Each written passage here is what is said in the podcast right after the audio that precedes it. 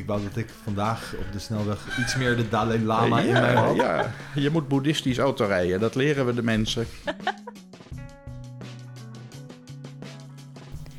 Welkom bij de Nieuwe Dokter podcast.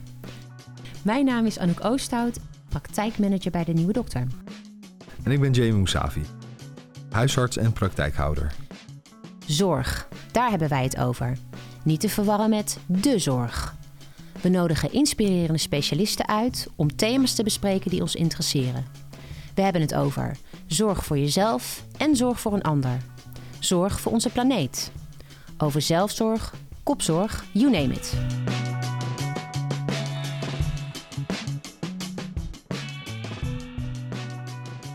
Voor de eerste aflevering hebben wij Gertjan van Zessen uitgenodigd. Hij is psycholoog, seksuoloog en expert op het gebied van seksverslaving. Waarom wilde jij Gertjan als eerste gast? Nou, ik las uh, zijn boek Het Vat van Zelfwaardering, een uh, psychologisch model voor gedragsverandering. Gert-Jan is de bedenker van dit model en uh, bijvoorbeeld binnen de reclassering wordt het inmiddels veelvuldig en succesvol ingezet. Het is onwijs inspirerend. Ook om in te zetten binnen de praktijk voor ons lifestyle-programma. Waarom Gert-Jan het nodig vond om een nieuw psychologisch model te ontwikkelen, dat hoor je later. We gaan eerst maar eens beginnen bij het begin. Wat is het vat van zelfwaardering? We gaan luisteren naar Gert-Jan.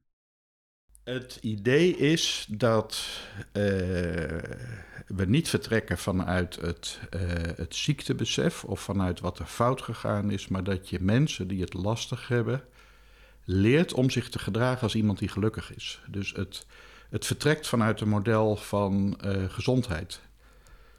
Uh, dus waar we naartoe proberen te werken is van kun je mensen tips geven, handreikingen geven, een manier van kijken aanleren, waardoor ze zich gaan voelen en gedragen als mensen die steviger in hun schoenen staan. Nou, steviger in je schoenen staan in, in de psychologie is uh, de, de veilige, veilige hechte volwassene. De stevige, evenwichtige, rustige persoonlijkheid die uh, leuke dingen kan waarderen en die stress kan weerstaan. Dat is een model van, van geestelijke gezondheid zit erachter, waarbij uh, je eigenlijk steeds probeert toe te werken naar mensen die het goed doen. En als je uh, dat probeert concreter te maken, dan zijn mensen met wie het goed gaat, die gaan beter zien. Laat ik zeggen, als je vanuit een patiënt denkt, iemand gaat niet zo goed mee. Wanneer werkt het vat van zelfwaardering nou perfect? Dat is als je merkt dat ze de leuke dingen in hun leven steeds meer gaan omarmen en waarderen. En dat ze de negatieve dingen in zichzelf, verdriet, angst, pijn, drang, uh, twijfel, zelfhaat, dat die steeds makkelijker verdragen worden, waardoor ze er minder last van hebben. Je had het over de ideale mensbeeld. Ja. Kan je daar iets meer over vertellen? Wat, wat, is een ideale mens? In termen van het vat van zelfwaardering of van psychotherapie is het iemand die op eigen benen staat, die uh, ook nare dingen meemaakt, maar daar niet zo van onderuit gaat. Uh, de, de, heel simpel voorbeeld: mensen die ooit gebeten zijn door een hond en heel angstig zijn als volwassenen op het moment dat zo'n dier de hoek omkomt. Uh, als je drie standen uh, in je hoofd neemt. Stand 1 is in paniek. De hond komt de hoek om. Mensen schrikken zo hard dat ze niet meer kunnen functioneren. In fase 2, als ze iets meer stevigheid hebben, iets meer zelfwaardering, dan schrikken ze net zo hard in eerste instantie, maar ze kunnen zich herpakken. Dus ze raken niet in volle paniek, maar ze krijgen wel hartslagverhoging en ze schrikken en ze gaan achter hun man staan, en, maar ze zijn niet meer volledig in paniek. Hm. Een ideaal iemand schrikt net zo hard, want dat lichaam is getraind om te schrikken van de hond, maar kan dat eigenlijk onmiddellijk uh, omzetten. Dus dat, zo iemand zou kunnen denken: grappig, ik schrik nog steeds, of eigenlijk mijn lijf schrikt nog steeds. Wat fijn dat ik zelf niet meer hoef te schrikken. Ik kan hem zelfs even voorzichtig aaien. En die initiële angst is bij iedereen hetzelfde. Alleen je ziet dat mensen met wie het niet zo goed gaat, die schieten voortdurend naar beneden. Uh, en dat kun je voor alle, allerlei klachten kun je dat bedenken. En die schieten naar beneden, hoe bedoel je dat? Die, die worden angstig en dan volgt er een tweede ja, het idee wat we gebruiken in het, in het vat van zelfwaardering is dat heel veel gebeurtenissen en gedachten stress oproepen. Bijvoorbeeld zo'n hond die de hoek omkomt. Maar ook ergernis aan tafel met het gezin of dingen op het werk die niet lukken, hè, frustratie. Het kunnen interne gedachten zijn, verdrietige gedachten, depressie, uh, uh, schrik, uh, zelfhaat. Volslagen normale en gezonde impulsen die het stresssysteem aanzetten. Dus we raken geactiveerd, we worden bozer, het lichaam wordt gespannen. Het is een fysiologisch proces wat heel snel gaat. Mm -hmm. Op zeker moment kunnen we daarop gaan reageren. Hè, voorbeeld wat ik heel vaak gebruikte. Uh, je rijdt op de snelweg, op je gemak, er komt een auto van rechts, opeens jouw baan op en je lichaam schrikt. Dat schrikken kun je niet uitzetten. Daar heb je geen controle over. Het lichaam raakt geactiveerd. Uh, er gaat bloed naar de hersenen, zuurstof verandert, spierspanning, adrenaline, cortisol. Het lichaam komt in de vechtstand of de vluchtstand. En dat gebeurt binnen een seconde of wat. En pas na een paar seconden kan ik gaan nadenken. Als ik in stand 1 sta, dat het niet goed met mij gaat, gespannen, boos, depressief, is de kans dat ik kan denken: Goh, die man komt van rechts. Ik schrik wel, maar dat is helemaal niet erg. Die kans is heel klein. De kans dat ik boos word, dat ik ga acting out, dat ik pissig word, dat ik de vinger omhoog steek, die is groter. Mm -hmm. In standje 2, als het wat beter met me gaat, kan ik denken: verdomme en, en lul had dan gekeken, maar ik ga er niet achteraan. Ik ga niet zitten zwaaien. De Dalai Lama, hè, die in stand 3 zit van heel veel zelfwaardering, die schrikt net zo hard als ik. Alleen hij kan vermoedelijk denken: ik schrik me een hoedje, maar die man zal het niet zo bedoeld hebben. Ik hou even in en gaat u voor. En een prettige dag. Ja. Ja. ja ik wou dat ik vandaag op de snelweg iets meer de Dalai Lama ja, in mij had. Ja, je moet boeddhistisch autorijden. Dat leren we de mensen. Boeddhistisch autorijden. Uh, en daar zit ook Mooi. iets in van het vat van zelfwaardering, wat heel kenmerkend is: dat we uh, psychologische uh, geheimtaal vermijden. En dat de oefeningen die mensen doen. Dus hoe kom je nou in die toestand van Dalai Lama-achtige rust? Dat doen we met hele praktische, concrete uh, oefeningen. Juist. Ja. En ik ga nooit tegen mensen zeggen: wees nou eens rustig als je gespannen bent in het verkeer. Of accepteer je suikerziekte nou eens, of val nou eens af. De grote truc van het vat van zelfwaardering is dat je mensen opdrachten geeft die ze wel kunnen doen. He, dus iemand die zijn suikerziekte niet accepteert en voortdurend verkeerde, uh, uh, uh, daar verkeerd mee omgaat. Boos wordt dat hij moet prikken, niet willen spuiten, steeds maar zichzelf met anderen vergelijken. Ja.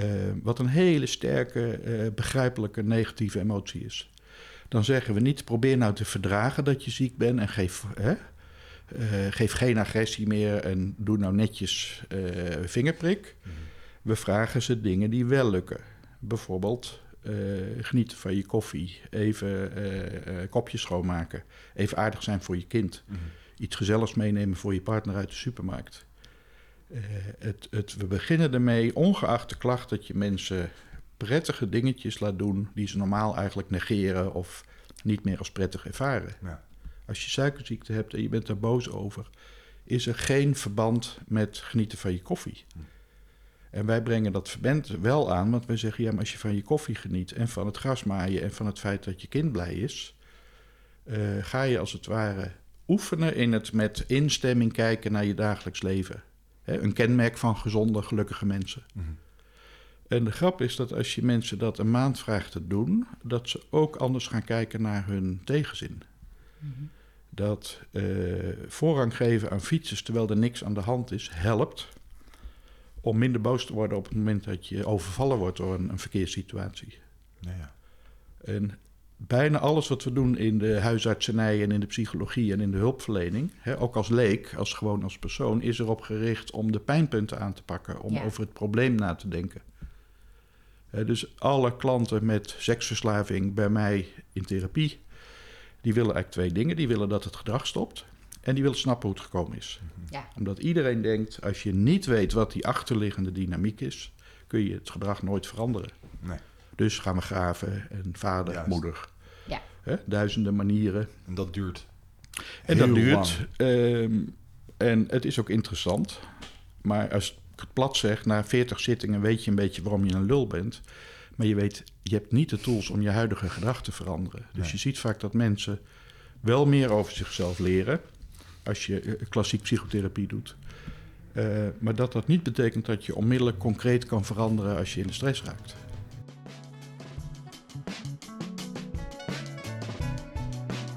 Wat ik zo verfrissend vind is dat hij gedragsverandering probeert te creëren zonder dat iemand helemaal terug moet naar diepe oude pijn. Heel praktisch met kleine dingen grote stappen zetten. Ik ben wel benieuwd of hij een uh, speciale module heeft voor boeddhistisch autorijden. Want uh, in dat geval uh, ga ik jou er denk ik voor opgeven, Jamie. True that. We gaan terug naar Gertjan. Die vertelt waarom hij een eigen behandelmodel ontwikkeld heeft voor zijn cliënten. Back to you, Gertjan. Uit onvrede met wat er uh, beschikbaar was in mijn vakgebied. En mijn vakgebied is seksologie en dan met name mensen die zich niet goed kunnen beheersen. Hè, wat we seksverslaving tussen haakjes noemen. Uh, waarom tussen haakjes? Omdat het geen verslaving is. Maar het zijn mensen die in de seksualiteit, hè, Jamie zou zeggen, verkeerde keuzes maken. Of steeds in patronen blijven hangen en daar heel moeilijk uitkomen. Uh, in die zin lijkt het wel op een chronische aandoening.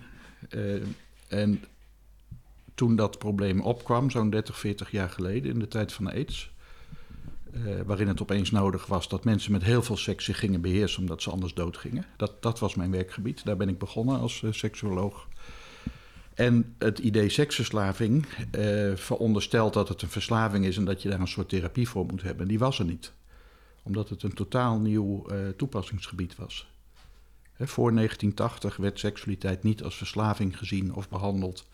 Dan ging het over seksuele vrijheid of jezelf ontplooien of uh, het hele idee dat je verslaafd kan zijn aan seks is historisch gezien heel nieuw. En het enige wat er was, de patiënten kwamen op een gegeven moment wel, maar het enige wat er was, was wat de verslavingszorg bij andere dingen doet. Dus bij cocaïne, alcohol. Uh, en daar ben ik uh, nooit heel erg kapot van geweest. Maar er was niks anders. Dus door heel veel met die patiënten te werken uh, en steeds maar zoeken van wat kun je ze nou wel bieden, en wat is een wat modernere manier om ze te helpen dan te zeggen het mag niet en het is slecht. Uh, want dat werkt ook niet goed. Uh, da daar is het, het model vat van zelfwaardering uitgekomen. Uh, kun je je nog herinneren wanneer je een soort van de klik maakte van het zit hem in die zelfwaardering, daar moet ik zijn? Um, nou, het zijn een heleboel klikjes geweest. Uh, ik ben in 1995 gepromoveerd op een onderzoek naar uh, het ontstaan van seksverslaving. En wat we toen gedaan hebben is, uh, dat was toen relevant vanwege de AIDS-epidemie. dus we hebben heel veel onderzoek, ik ben twaalf jaar onderzoeker geweest, heel veel mensen ondervraagd die ontzettend druk waren met seks. Ehm, en die mensen, de volwassenen die dus seks heel belangrijk vonden, hebben we ondervraagd over hun levensloop gezin van herkomst, opvoeding, eh, belangrijke ervaringen. Hoe heb je dat als jonge volwassene gedaan? Hoe doe je het nu?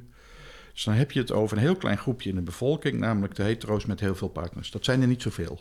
Hè, daarom hebben we ook geen aids-epidemie. Er is heel weinig seks in Nederland, met name onder hetero's.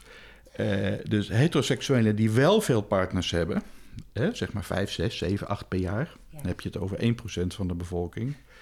Daar hebben we gekeken van hoe ben je nou geworden en hoe doe je dat nou? En dan bleek dat er twee groepen waren. Eén die behoorlijk verslaafd daarmee omging.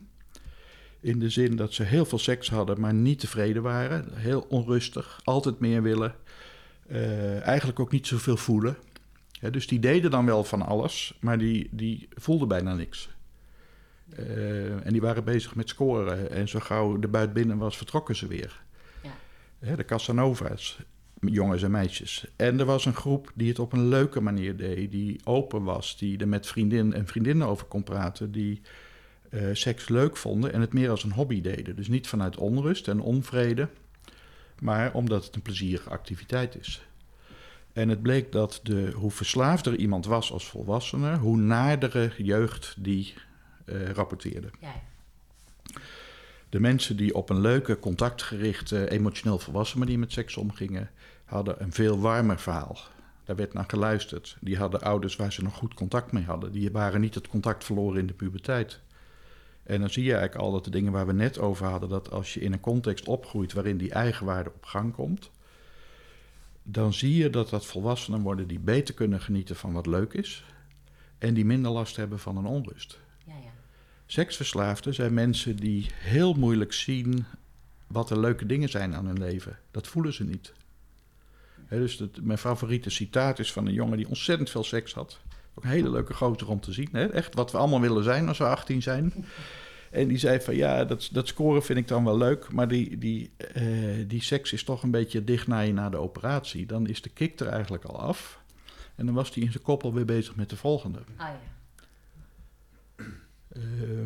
Het zijn mensen die zich vaak schamen na afloop. Dus die zijn niet voldaan, maar die voelen die onrust meteen weer terug. Het Ja. schuldgevoel, hè, wat iedere verslaafde kent. Heel hard ergens naartoe werken, het gebeurt en daarna spijt. Terwijl mensen die op een leuke manier ermee omgingen, die hielden contact, die, eh, die belden nog eens, die gingen gezellig ontbijten met z'n tweeën. Die andere jongens die vertrokken om vier uur Ja, s'nachts. En dan zie je eigenlijk dat het. Hè, je, je zei van wanneer komt die klik met zelfwaardering. Je ziet dat mensen die geleerd hebben om dingen leuk te vinden. en om hun stress te beheersen. dat die op een hele andere manier met seksualiteit omgaan. Veel leuker. Ja. En dat is dan eigenlijk dat modelletje wat ik net noemde. van ja, de, de, de stevige volwassene. die doet twee dingen anders. Genieten van wat er om je heen is. Dus dat zijn tevredene mensen. Die zien ook dat ze het naar hun zin hebben. Ehm, en op het moment dat er iets gebeurt wat ze niet willen, zijn ze in staat om dat om te buigen. Ja. Dus als het dan niet leuk gaat of ze zijn niet opgewonden, gaan ze wat anders doen. Als je over psychologische dingen praat en je zegt wat gek of wat raar of wat verbaast me dit, dan helpt het ontzettend als je je afvraagt wat is nou de logica van wat er gebeurt. Ja. Dit gebeurt ook heel vaak in therapieën, dat mensen zeggen, nou, zo gek. Nou, wat dan? Nou, ik bel mijn moeder en wat denk je wat? Ze vraagt helemaal niet hoe het met mij gaat. En ik heb meteen een schuldgevoel. Zo gek. Ja, ja. En als je dat nou eens vervangt door logisch, dan realiseren mensen zich. Het is eigenlijk altijd als ik met haar praat. Het is al vanaf mijn vierde. Eh, alleen ik heb zo'n sterk verlangen dat ze nou eens een keer daar doorheen breekt. Ja, ja Maar dat doet ze niet. nee, nee. Zo gek, mijn man praat nooit over emoties. Hoe kan het? Ja. Hè? Doet hij al Ja, 30 nou, jaar niet. dat doet hij al 30 jaar niet. Ja, het is een patroon. En hij komt Ja. uit een Ja. gezin waar dat ook niet gedaan werd. En als je naar zijn broers kijkt, zie je hetzelfde. Eh, en we, kunnen dus, we zijn dus psychologisch in staat om in een voortdurende verbazing dezelfde dingen mee te maken. Zo gek dat het met COVID. Ja. Ja, helemaal niet gek. Nee, als je kijkt naar de historie en eh, ja. Ja, nee. en dat, dat geeft toch een, een andere, een rustige blik op de werkelijkheid. ja. En je ziet ook dat mensen met weinig eigenwaarde, die niet zo goed voor zichzelf zorgen, voortdurend van de ene verbazing in de andere vallen. Oh ja. Dat repetitieve wat in verslavingen zit, hoe je het ook noemt, dat is eigenlijk dat je steeds maar hetzelfde doet in verwachting van een andere uitkomst. Ja, ja. Ik voel me rot, ik voel spanning opbouwen, ik ga een afspraak maken in het bordeel, ik ga daarheen, ik lieg tegen mijn secretaresse dat ik naar een zakelijke afspraak ga, ik zoek iemand uit, ik heb seks en zo gek daarna voel ik me verdrietig en leeg en ik schaam me en ik wil het nooit meer doen. Ja. Zo gek. Ja. En dat je van buitenaf zegt, ja, maar dat is toch logisch dat het gebeurt. En het raar is natuurlijk in mijn vak, ehm, ik heb heel veel geslaagde mensen hier in de therapie. Die het gewoon hartstikke goed hebben, die hebben het goed voor elkaar. En die doen toch dingen in het geniep, waardoor ze zich eigenlijk superkloten voelen. En Ja. van buitenaf denk je dan, hoe kan dat nou?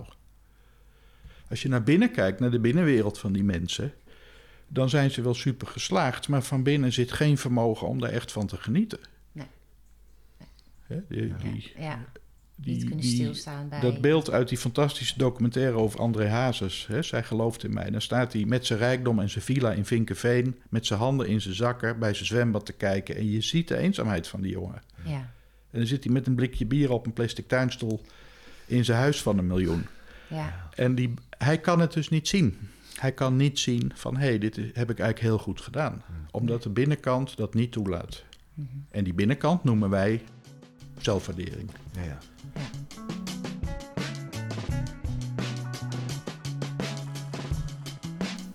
Dat is een mooi voorbeeld wel van Hazes, want ik kon me dat fragment eigenlijk direct voor de geest halen. ja, heel herkenbaar. Eigenlijk kom ik dat heel vaak tegen in mijn omgeving. Mensen doen telkens hetzelfde en vinden dat gek als ze hetzelfde antwoord krijgen. Maar ja, goed, het is eigenlijk heel logisch dat ze hetzelfde antwoord krijgen. Precies. Oké, we gaan terug naar Gert-Jan. Die vertelt hoe vat van zelfwaardering in de praktijk werkt. Wij, het, het, is, het is radio, dus je kan niet het laten zien. Maar het heet vat van zelfwaardering, omdat we de metafoor van een tonnetje gebruiken voor het innerlijk. En dat tonnetje is bij iedereen even groot, namelijk 100 procent. Uh, en de zelfwaardering is maar een deel daarvan. Dus de vloeistof in de ton is het deeltje in mij waar ik tevreden over ben. Het deel waar ik rustig van word. Deel wat, wat maakt dat ik me goed voel. De dingen die me deugd doen. Hè, mijn intelligentie, je rijkdom, liefde voor je kinderen, je passies, je hobby's. En wat we zeker weten is dat dat deel nooit 100% is. Niemand is 100% tevreden met wie die is. Want we worden ouder, we krijgen klachtjes, we hebben chronische dingen, we verliezen ouders, we zijn gepest vroeger, we zijn bang voor dingen. Ehm, en je ziet dat die verhouding tussen mensen verschilt. Dat mensen, hè, als ik het over de ideale stevige volwassenen heb, heb je het over mensen met overwegend rust van binnen. Die hebben veel zelfwaardering. Daarmee zeggen we, ze kunnen naar hun eigen leven kijken, naar hun lichaam, naar wie ze zijn, met instemming. Het zijn tevreden mensen. Die hebben ook pijntjes. Hè? De Dalai Lama heeft ook oude, oude knieën en die is ook niet zo leuk opgevoed. Maar ik hoop dat hij iemand is die, uh, die met een zekere mate van mildheid naar zichzelf kijkt. Die zichzelf niet op zijn kop zit. Die snapt dat hij dingen fout doet. Die als hij verdriet heeft, dat verdriet kan voelen zonder dat hij raar gaat lopen doen. Nou, als die vloeistof nou te laag is, dan betekent dat het deeltje in die persoon wat met plezier naar de wereld kan kijken en naar zichzelf is te klein. Maar het betekent ook dat er een groot leegdeel zit in dat vat. Ja, als, het vat als de eigenwaarde daalt, is het lege deel groter. Het lege deel hoort bij ons, maar er zit geen plezier aan. Het zijn de dingen die ik verafschuw, de dingen waar ik me voor schaam, de dingen die zeer gedaan hebben en de dingen die ik niet goed snap. Hè? Waarom ben je nou verdrietig? Ja, dat weten we niet. Maar je voelt het wel. Maar je kan je vinger er niet op leggen. Waarom doet mijn man stomme dingen? Je voelt dan alles dat het te maken heeft met van alles en nog wat, maar je krijgt de vinger er niet op. Dat is het lege deel van het vat. En je ziet dat mensen met veel leegte veel harder reageren op negatieve prikkels. je zei, hoe zie je dan dat het vat verandert? Ja. Dat zie je omdat mensen in therapie dingen gaan doen die ze voorheen niet durfden. Ze gaan uh, dingen uh, aanzetten, bijvoorbeeld oude hobby's. Dus mensen die al jarenlang denken, eigenlijk zou ik moeten tekenen, maar ik kom er niet aan toe.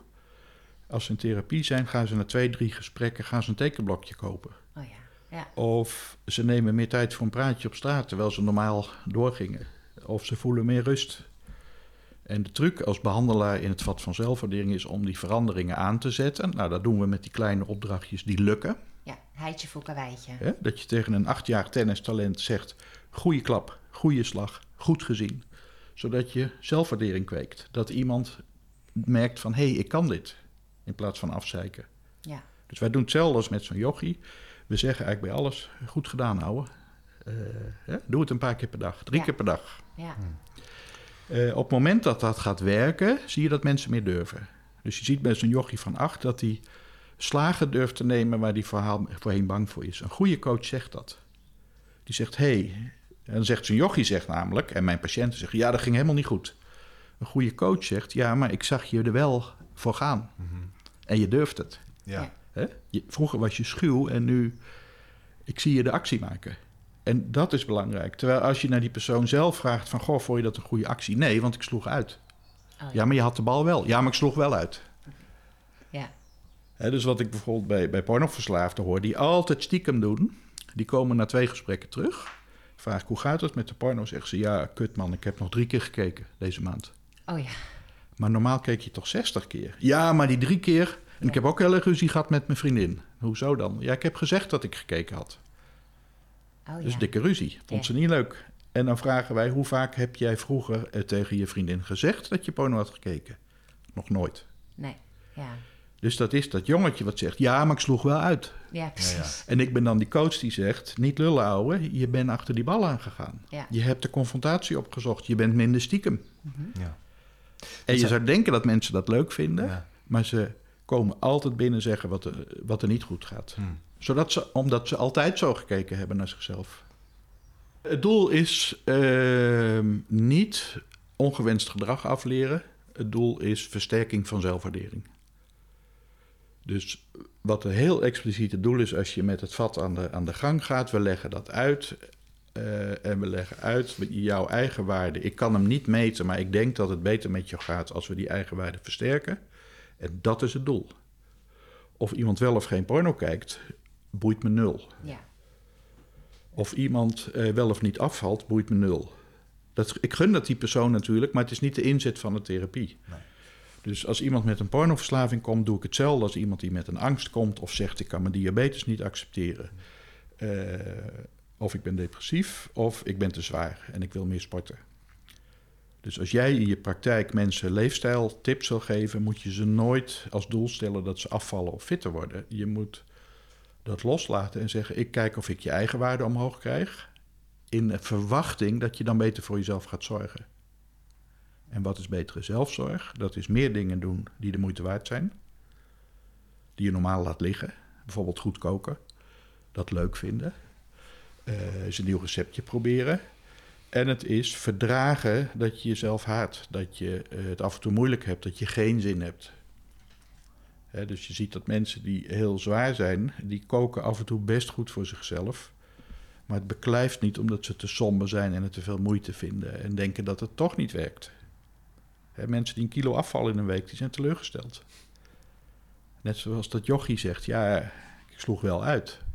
Terwijl een kilo afvallen in een week is fantastisch. Het is zelfs beter dan zes kilo afvallen. Hmm. Maar in het normale denken heb je dan het idee, ja, dat is voor niks geweest. Ja. Dus mensen die op eigen kracht van 60 naar drie keer porno gaan, die doen een gigantische stap, maar in hun gevoel en zeker het gevoel van de partner hebben ze nul stappen gezet. Mm ja. En dat gaat heel ver. Dat uh, hè, mannen die niet praten, daar zijn er nogal veel van, die niet over emotionele dingen praten, die nooit daarover beginnen. En dan zie je na vier gesprekken met het vat, heb ik zo'n stel aan tafel en die man in het begin moet ik alles eruit trekken. En na vier keer komt hij binnen, hij begint te vertellen over wat er gebeurd is. Over wat hij gedaan heeft, over wat hij lastig vindt. Een monoloog van 20 minuten.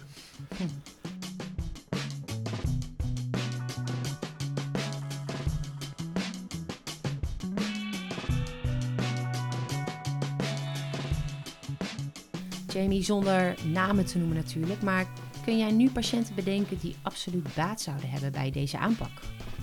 Zeker heel veel. Voor ons leefstijlprogramma is het onwijs interessant.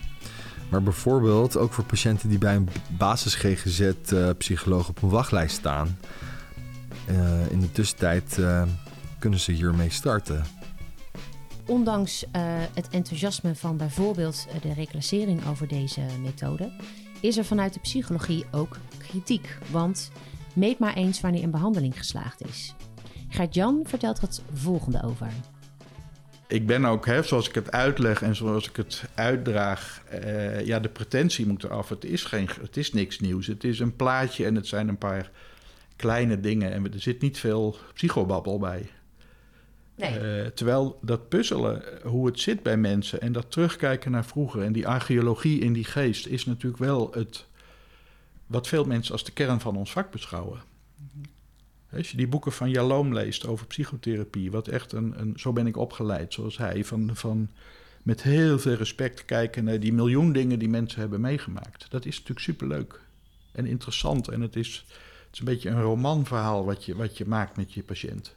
Ja. En ik heb het zelf ondergaan. Ik moest, hè, in je opleiding moet je ook zelf langdurig, eh, vijf jaar lang, elke week praten over jezelf. Ik heb het als één grote uh, vernedering beschouwd. Als, ja? als dat je uiteindelijk altijd weer in de steek gelaten wordt door je therapeut. En dat is wat heel veel mensen hier ook vertellen, die, die echt... Uh, hè, ik ben een soort eind uh, laatste kansmoeder, hè, de specialist. Oh, ja? Dus ik zie heel veel mensen hier die drie, vier therapieën achter de rug hebben. Ja. En daar veel van geleerd hebben. Daar wil ik niks flauws over zeggen. Mm -hmm. Maar het lukt ze niet om blij te zijn met hun veranderingen. Ja, precies. Hè, dus als je veel praat over je leed, dan zet je dat ook vast. Je, je, geeft mensen de tools om, ze, om te begrijpen waarom ze stomme dingen doen. Mhm. Ja. Uh, en dan is de therapie is geslaagd in de zin dat het inzicht en, en de, de, de rauwe kanten gaan eraf. Maar mensen zijn dan als het ware niet meer gehandicapt, maar het betekent niet dat ze kunnen genieten. Uh, begrijp ik het goed dat als je dus een succesvolle behandeling hebt in jouw methodiek, dat het momenten zijn waarin het slecht gaat, dus je wordt afgesneden in het verkeer. Ja. Ehm, eh, je hebt een baas die tegen je uh, lelijk doet. Nou, Noem het maar op. Ja. Dus het momenten dat het dus slechter met je gaat, dat je jezelf weer kan oppakken. Ja. Is, is het dan geslaagd? Ja. En dat vinden mensen. ehm laat zeggen, in het begin van een traject ben je bezig om ze de, een bazaal gevoel van competentie te geven. Van hé, hey, ik kan wel geen porno kijken. Ik durf wel met mijn vriendin erover te praten. En wat moet je daarvoor doen? Dan moet je eerst oefenen met kleine haalbare prettige dingetjes. En dan moet je hier komen en uit gaan leggen dat je opeens meer durft. Dat je meer gesprekken aandurft. Dat je meer stilstaat. Dat je oude hobby's oppakt. En ik ben dan de coach die zegt... Oké, ik snap dat dit onwennig voelt, maar je bent supergoed bezig. Zijn er andere dingen die je meer durft? En dan zegt ze ja, want ik heb op mijn werk ook mijn vinger opgestoken in de vergadering. Ja. Op een gegeven moment beginnen ze dat te snappen. Mensen kunnen snappen hè, met coaching, nooit op eigen kracht, maar met die coach die zegt van ja, dit voelt heel onwennig, maar je bent supergoed bezig. Ik ben trots op je. Dus we zitten heel veel te prijzen. Hmm. En we proberen ze te laten zien dat wat voor hun onwennig is, eigenlijk gezond is. Ja, ja. En daarna komt vaak een fase, dan moet je mensen wennen aan gezondheid. Je moet mensen leren, laten we zeggen, de gemiddelde burger die angstig is in vergaderingen, die wil en assertief zijn, maar hij wil ook dat de angst weggaat. Eh, en dat kan niet. Nee. Dus als dat lichaam getraind is jarenlang om te schrikken als jij opeens de beurt krijgt in een vergadering. In fase 1 sla je dicht. In fase 2 durf je te praten en doe je het eigenlijk heel goed, maar ben je nog ontevreden? Dan denk je, ja, maar kut, ik wou dat ik gewoon hier rustig ontspannen zat. En in fase 3 leer je van grappig, daar is die angst weer. Ja. Wat fijn dat ik er niet aan toe hoef te geven. Alleen die fase 3 vinden mensen heel ongemakkelijk, omdat de angst er nog steeds is. Ja. Dus dan zeggen ze, ja, ik doe het wel goed, maar ik heb het gevoel dat we er nog niet zijn. En wat bedoelen ze dan? Die initiële angst moet weg. En dat kan niet. Nee. Nee. Dus die Ja. angstreactie of zo'n stressreactie, dat is eigenlijk goed. Die, die ligt buiten je controle en hij is eigenlijk goed. Maar Ja. vroeger, hè, die eerste 20 jaar of 30 jaar van het leven, was die angstreactie altijd de aanleiding voor stom gedrag, voor paniek. Hè, waar je het ook heel sterk ziet bij, is misschien nog begrijpelijker, bij partners van een vreemdganger. Dus zo'n mevrouw ontdekt een paar keer dat die vent een vriendin heeft, of naar de hoeren gaat, of stomme dingen doet. Op een gegeven moment gaan we in therapie. En die man doet vreselijk zijn best. En die doet het hartstikke goed. En die mevrouw die zegt van ja, ik zie dat hij zijn best doet, maar ik zit nog met die angst. Als hij zijn telefoon niet oppakt, zit ik tegen het plafond. En ze wil terecht en begrijpelijk dat die argwaan weggaat. Ze wil weer terug naar die onbezorgde toestand van elkaar kunnen vertrouwen. En dat kan niet. Want dat geheugen van die vrouw is niet stuk. Dat, dat misbruik, dat, hè, het, het wantrouwen, dat zit daarin. Ja. En de kunst is dat je dat erkent. Ja. En dan heb je het ook over het precies hetzelfde. En dat is lastig, want je moet dan dus schrikken als je man de telefoon niet opneemt. En in de ideale wereld zeg je: Oké, ik mag hier ook mee schrikken. Dit, dit is niet gek.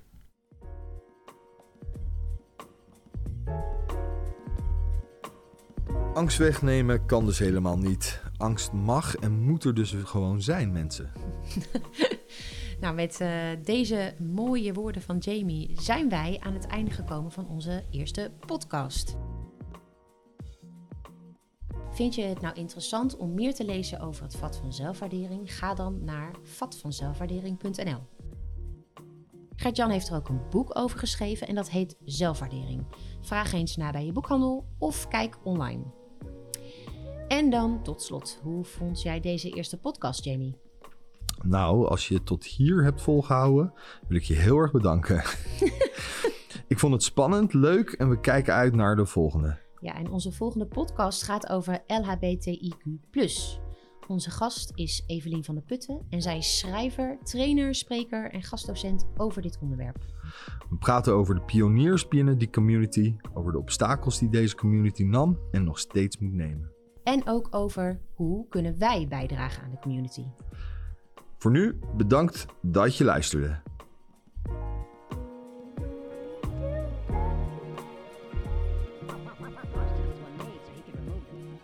Je luisterde naar de Nieuwe Dokter podcast. Volg ons op Spotify voor updates over nieuwe afleveringen. Ook op Instagram, Facebook en LinkedIn is de Nieuwe Dokter te vinden. Heb je naar aanleiding van deze aflevering vragen? Schroom niet en mail naar info.nieuwedokter.nl